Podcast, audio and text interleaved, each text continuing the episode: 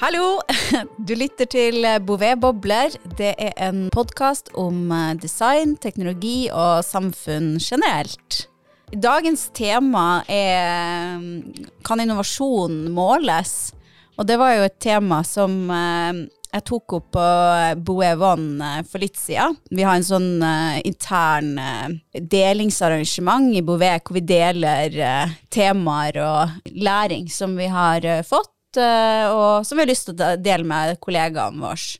Og det var i den forbindelse at vi tenkte at ja, men det her er sikkert spennende å dele med flere. Eh, og da har jeg fått med meg min gode kollega Christer her. Hei, hei. Så hyggelig at du kunne bli med og snakke om det her, Christer. Vi kan jo begynne med å introdusere oss sjøl litt. Det kan vi gjøre. Ja, Herlig.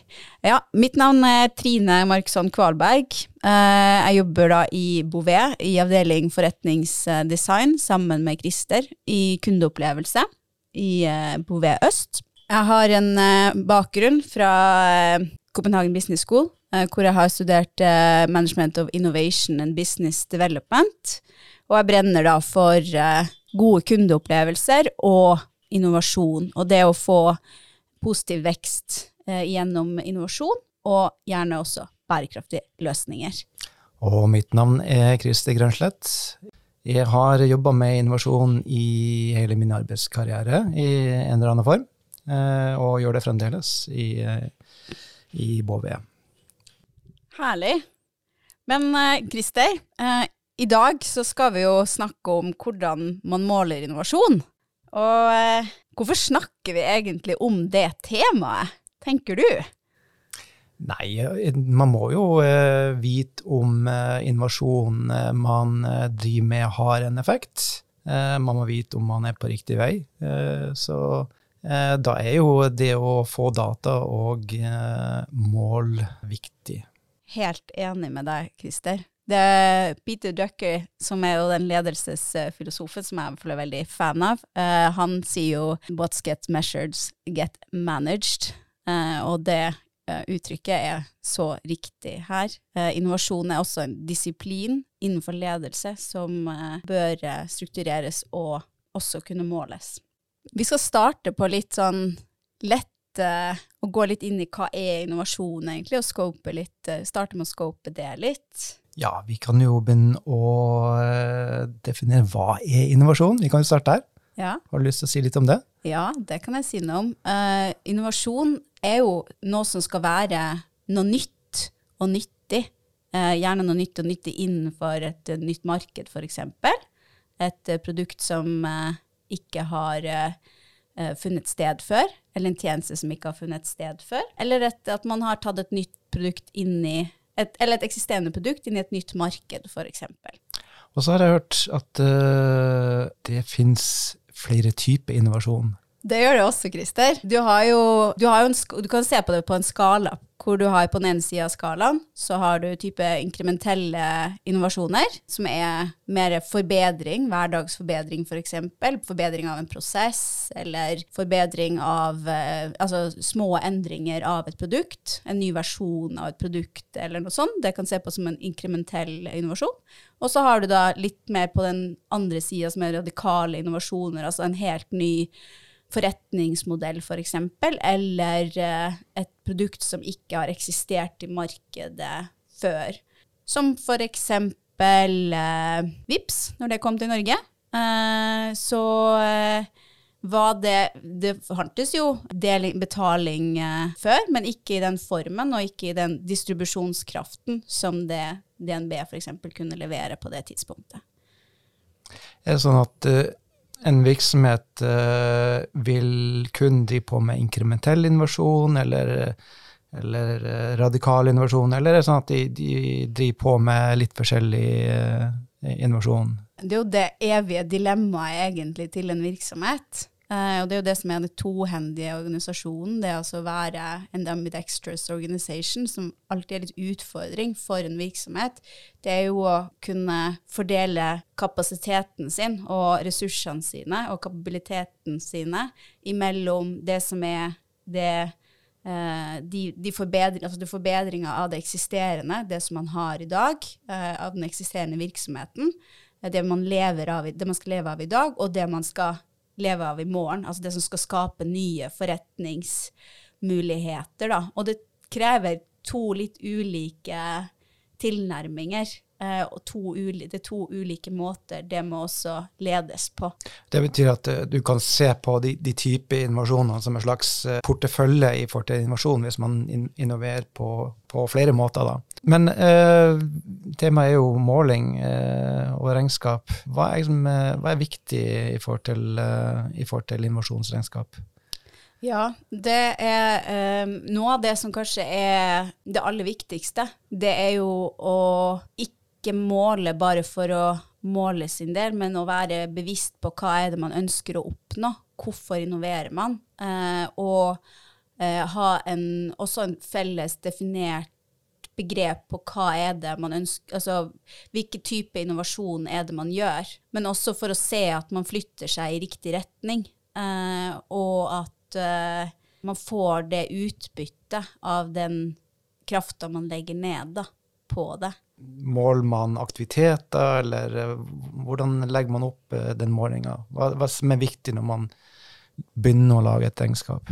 Kanskje noe av det viktigste man begynner med, det er jo å se på økosystemet i sin helhet. da, Og se på, måte, på summen av alt, og se på å ha en struktur i bunnen og et rammeverk i bunnen. Um, og så, det enkleste er jo på en måte å starte å se hvor mange ideer klarer vi å generere. Uh, hvor mange ideer eh, har, vi, eh, har vi omløp til å teste, og til å se om de har livets rett. Og så se det gjennom de ulike stegene i et innovasjonsrammeverk. Da, og se at man klarer å få hvor mange man klarer å dytte gjennom, f.eks. Og hvilken læring gjorde man underveis. Ja, Så du anbefaler å starte smått, eller starte et sted og så begynne å, å um, uh, begynne å måle for å få erfaring? Ja. Det er liksom Ja, start, start, uh, start smått og uh, tenk stort, og så bygg, bygg, erfaring, rett og slett, egentlig. Og hele tida søke etter å forbedre prosessen, da. ha et kontinuerlig forbedringsperspektiv. Fordi at det å drive på med innovasjon handler jo hele tida om å uh, det, er jo, det, det, er jo, hele tida små bet du skal gjøre for å kunne finne det, de store mulighetene etter hvert. Og jo flere bet du gjør, jo større sannsynlighet er det jo for at du finner uh, en av de ideene da, som vil gi den nye vekstmuligheten. Og så er det jo ikke alle uh, ideer som skal være de veldig radikale innovasjonene. Da. Det skal jo bare være en liten andel av det. Uh, for alle kan jo ikke drive på med radikal innovasjon. Det er jo ganske ressurskrevende å drive på med, så en virksomhet kan jo ikke gjøre det. Noen skal jo også jobbe med det mer inkrementelle, de forbedringene som vil uh, hjelpe organisasjonen i dag, da. Uh, I i stad var du innom dette med ideer og målideer, og å se på om de fungerer eller ikke. Og så snakka vi litt om eh, portefølje. Eh, det at du har, kan ha mange ulike ideer. Eh, er, betyr det at det er ulike nivåer på, på regnskapet? Ja, det er helt riktig, det.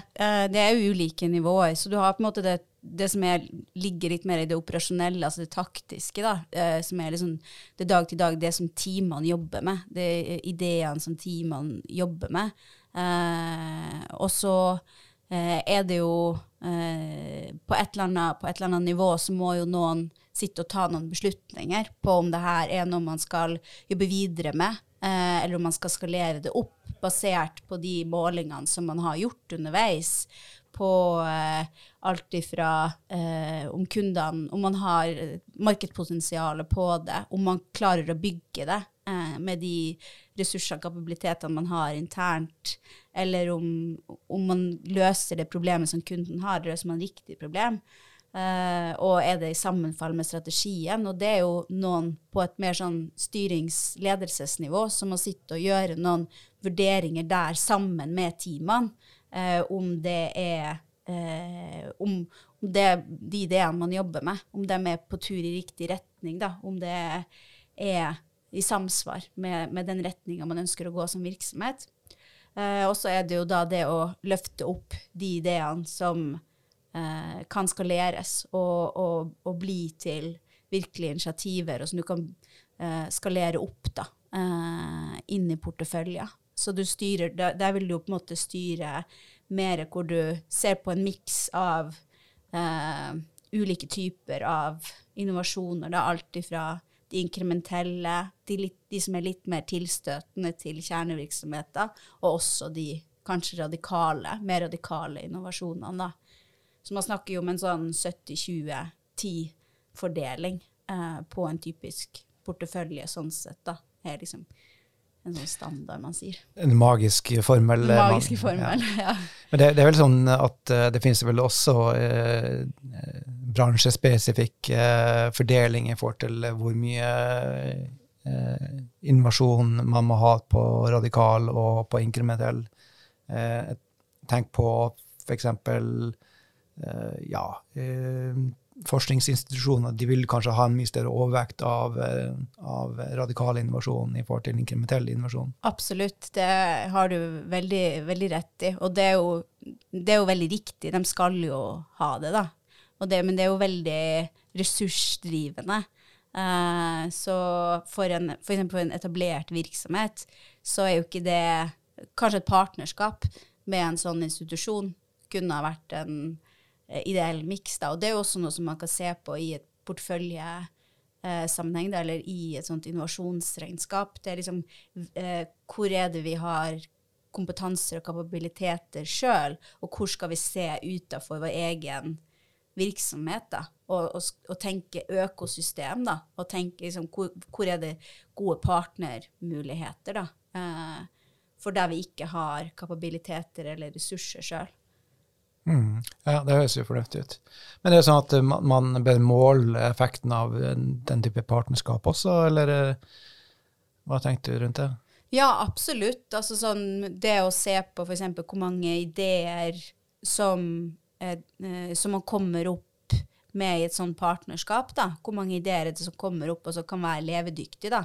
Eh, I et sånt type partnerskap er jo absolutt eh, noe man burde gjøre en vurdering av, og også hvilken fit det er mellom dem, den partneren man skal ha. Da. Eh, for det skal jo ikke bare være ideer som skal komme, det skal jo også være noen man har like verdier som, eh, som eh, man opplever at man kan samarbeide godt med, og at det er en likevekt i forholdet, at man kulturelt også klarer å samarbeide på en god måte. da og at man har læringseffekter mellom hverandre. Da.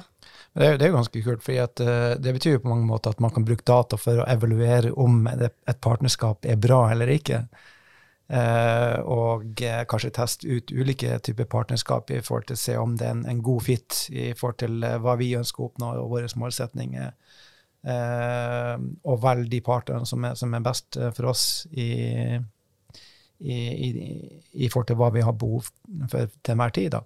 Mm, absolutt. Det er jo uh, det å på en måte uh, gå utafor sin egen sfære sånn sett, uh, kan jo bare gi det kan gi, det kan jo smerte eh, hvis man trår feil, men det vil jo gi læring på, på et uansett nivå. Da. Og det er jo det innovasjon mye handler om. Det er jo å skape gode arenaer for læring.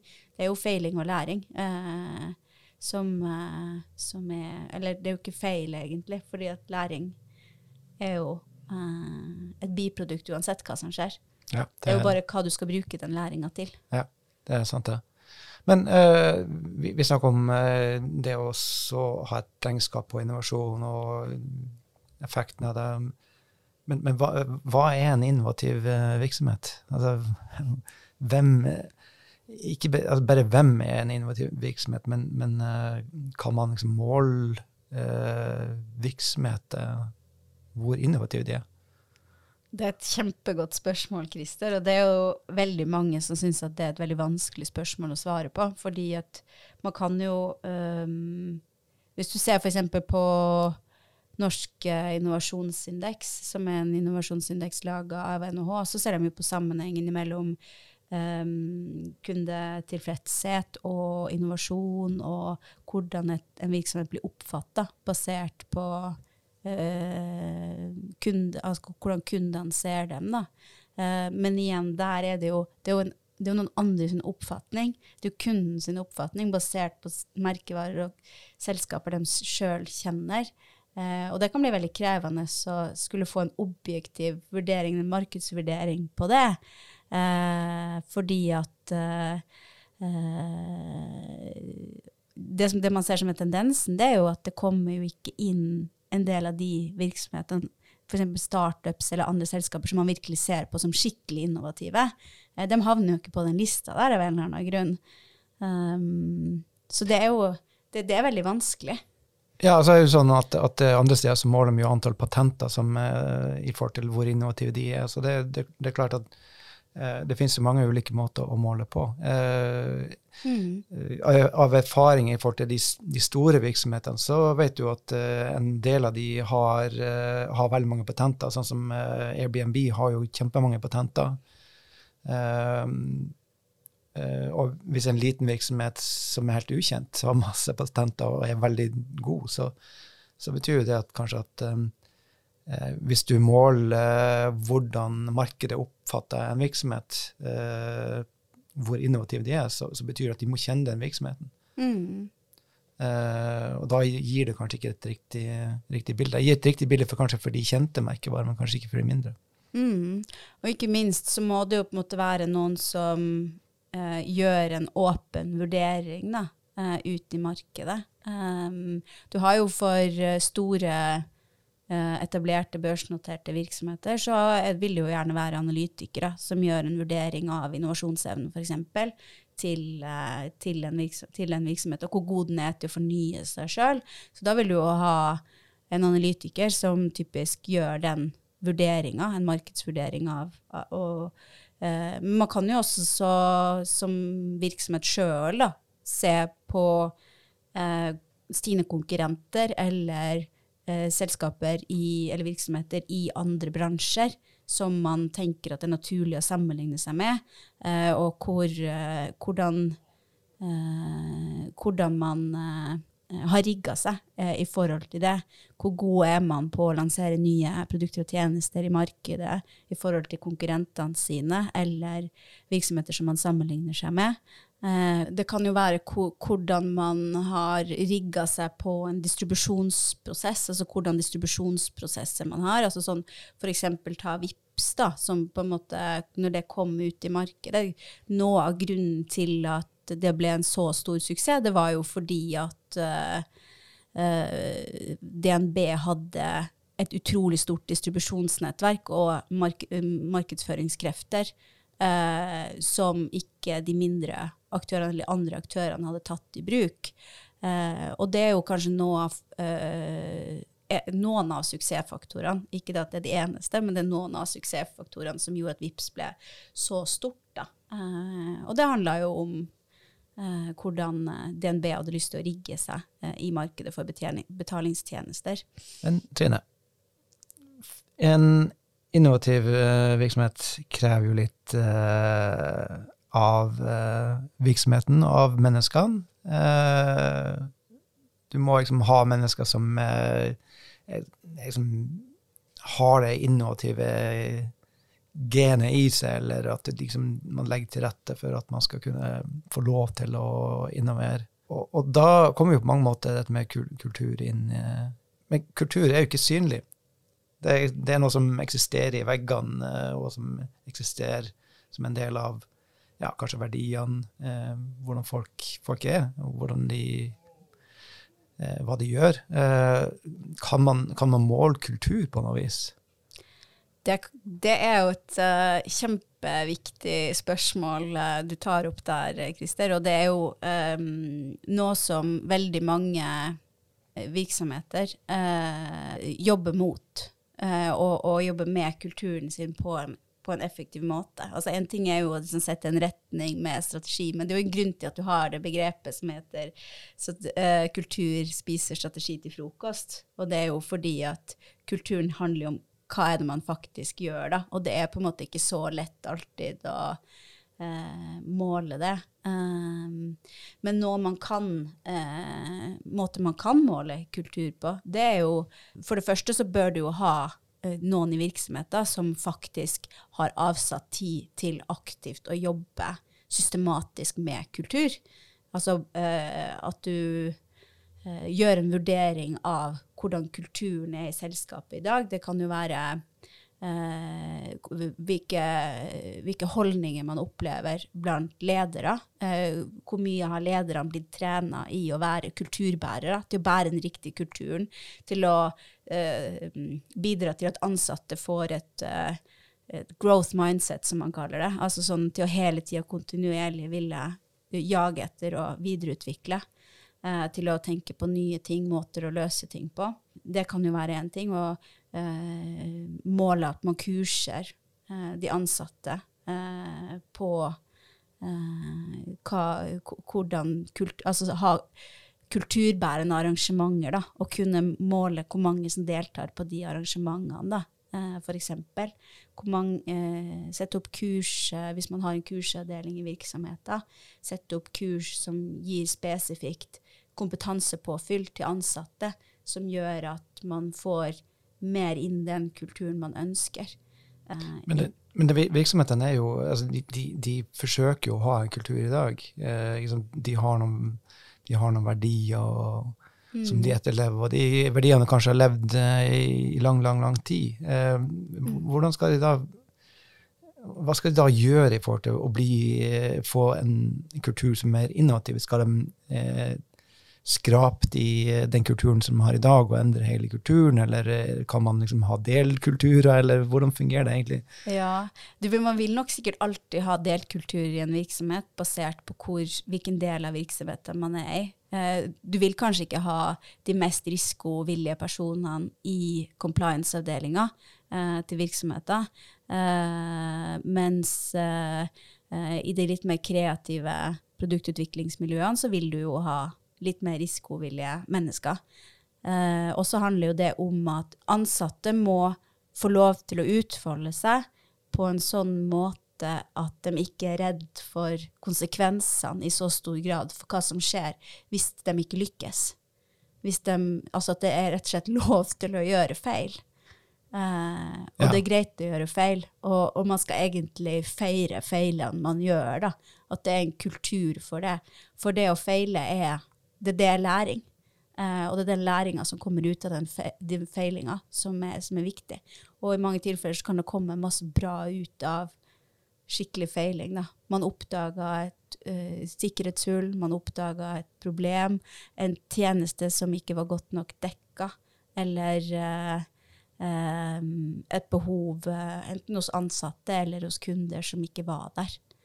Eller som Ikke som ikke var der, men som uh, uh, uh, Men som ikke var dekt. Ja. Men det betyr jo at du må ha stor grad av psykologisk trygghet i, i virksomheten og Helt blant lederne, som, og ikke minst ansatte, som, som gjør det at, at, man tør å, å feile for å, å lære og bli bedre.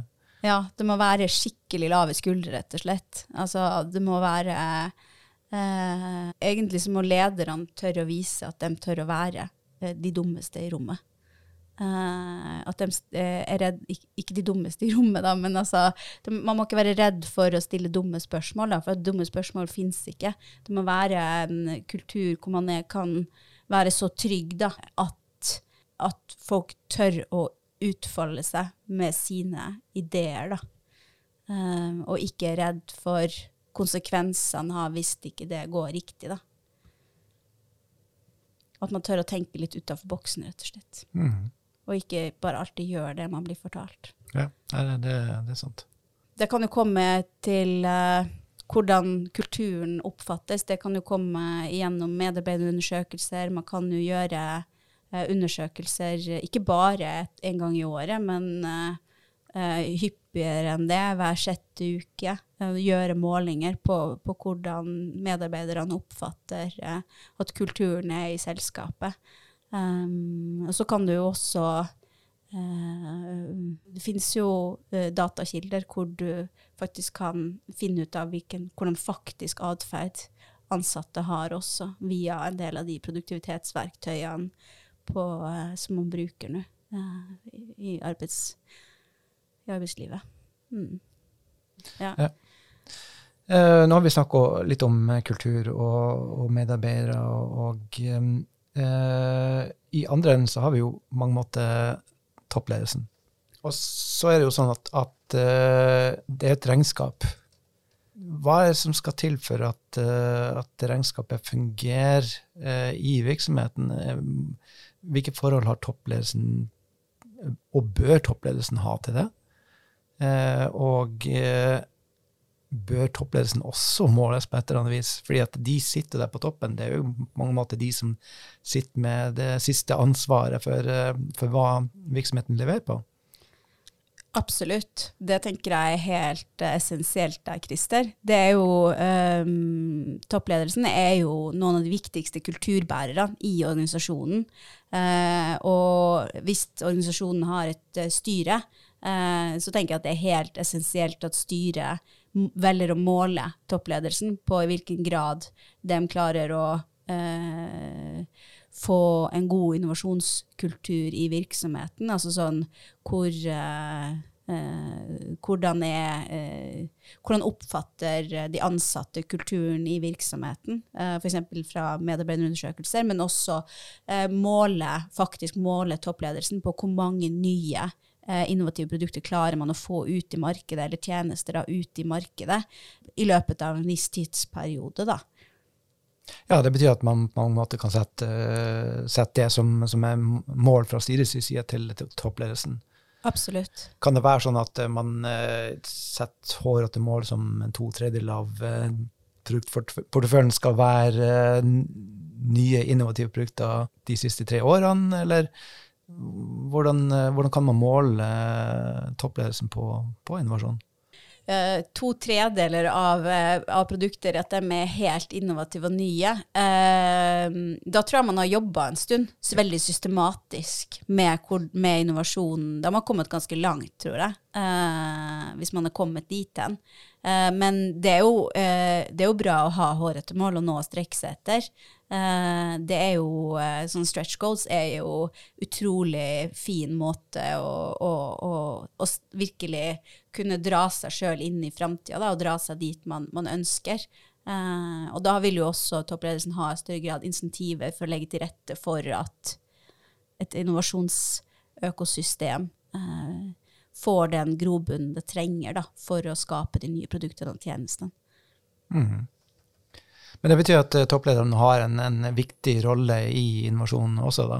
Absolutt. Man kan nesten si at uh, hvis, uh, hvis topplederen bruker under oh, Hva var den prosentandelen, da? det er en viss prosentandel, da, som Det er jo um, hun, uh, Rita McGrath sier jo at hvis ikke topplederen bruker hvis topplederen bruker under 20% av tida si, eller noe sånt, tror jeg det hun sier, på, på, innovasjon, så er, så er, ikke det Det er et veldig godt signal på at innovasjon ikke er så høyt på agendaen i virksomheter. Ja, det, da må de jo på mange måter ta et aktivt eierskap til innovasjon. De kan ikke bare liksom, lene seg tilbake og peke på disse lederne under seg at de må ta ansvar for innovasjon. Da, da må de faktisk ta et aktivt eierskap til innovasjon. Da. Det må de i aller høyeste grad. Å involvere seg og være, og være, på det området. Eh, mm. Hvis det er det man ønsker eh, for virksomheter.